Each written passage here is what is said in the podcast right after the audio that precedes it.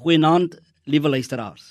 Ek wil vir twee aane met u uit Psalm 23 praat. Ek wil begin deur te sê as ons oor God se genade in ons lewens nadink, sal ons toegee dat dankbaarheid 'n wesenlike saak is. Dit is 'n lewensgesindheid wat dan ook redelik wyd erken word as die belangrike gesindheid in 'n mens se lewens. Iemand het baie jare gelede oor dankbaarheid geskryf en het soos volg gesê en ek haal aan: Daar is geen mens so gevaarlik as die een wat dankbaarheid nie ag en ondankbaarheid nie verag nie. Die Here doen so baie vir ons. Om dankie te sê is in verbondenheid en dankbaarheid teenoor die Here as die gewer van alle goeie gawes is vir ons so belangrik. Die kerkvader Johannes Calvin het by geleentheid gesê: "Kyk hoe sing die voeltjies van hom.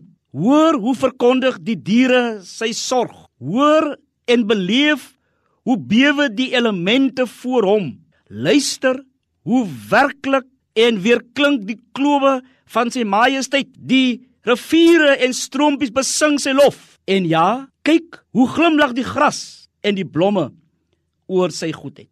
My kollega sê lofprysing altyd 'n reaksie op die evangelie van God goeie boodskap dat Jesus leef en aan die regterhand van die Vader sit. Maar lofprysing ontspoor wanneer dit bloot uitdrukking van die mense eie emosionele bestemminge en behoeftes is en nie 'n vreugdevolle antwoord op die besef dat Jesus aan die regterhand van God sit en dat alle mag in die hemel en op die aarde aan hom behoort.